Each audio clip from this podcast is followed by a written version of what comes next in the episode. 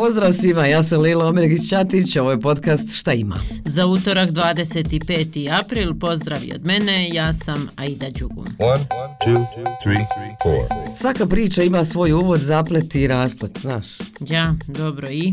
Porazmišljam o tome da li ova današnja sjednica Upravnog odbora Sarajevskog kliničkog centra o legalnosti Sebije Izetbegović na mjestu direktorice je tek zaplet ili rasplet? Pa to nećemo ni znati do raspleta. Uglavnom, inicijativu da se o tome raspravlja podnijela je članica tog odbora, Lejla Brčić, koju je zadužila vlada kantona Sarajevo da na sjednici upravnog odbora delegira ovo pitanje. A obzirom evo na sva dešavanja na univerzitetu i a, oduzimanje različitih titula, a ona koja je u odnosu na statut kliničkog centra upravnom odboru bitna, to je status a, redovne profesorce na fakultetu. A kakva će biti odluka upravnog odbora, ja zaista u ovom momentu ne mogu znati, niti vam mogu o tome govoriti. Pretpostavljam da je svaki od članova upravnog odbora konsultovao svoje osnivače koje predstavljaju i da su dobili određene upute.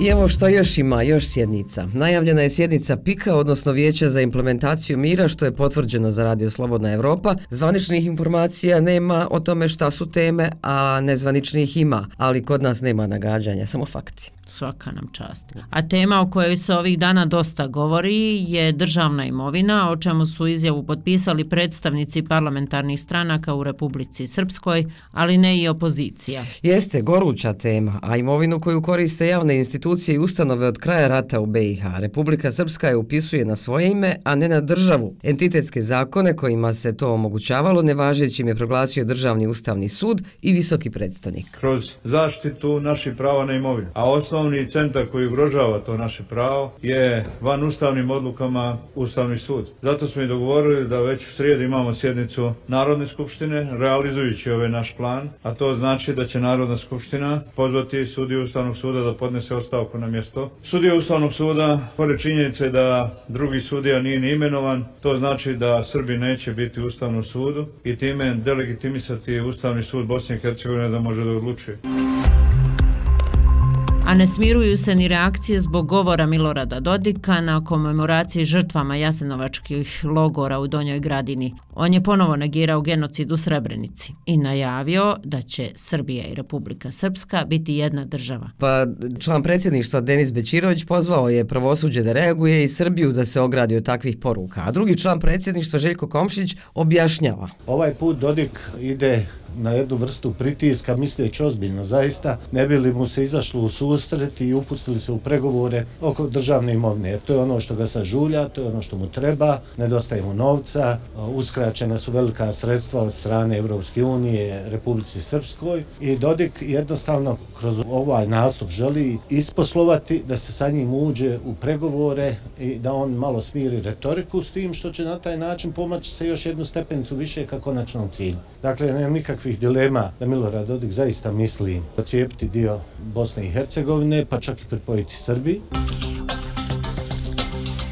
I znaš da će danas ruski šef diplomatije Sergej Lavrov predsjedavati sjednicom Vijeća sigurnosti UN-a.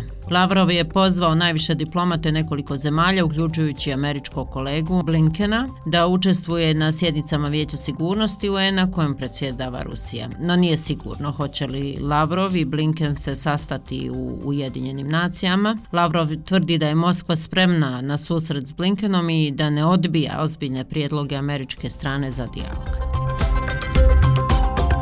I hajde ide da se malo odmaknemo od današnjih satirućih vijesti. Nikad nećeš pogoditi ko je rođena na današnji dan. Ma kao da je bitno kad nisam ja, šta me briga. Ma jeste bitno jer je riječ o kraljici džeza, o dami Eli i američkoj džez pjevačici, jednoj od najvećih u 20. vijeku, a od 96. više nije među nama. A, Ella Fitzgerald. E, jeste bila posebna. Znam da je bila neškolovana muzičarka, a opet prema riječima muzikologa bila je među najboljima. Tokom karijere koja je trajala 59 godina, osvojila je 14 gremija, dobila nacionalnu medalju umjetnosti i predsjedničku medalju slobode. Ti baš znaš. Sve.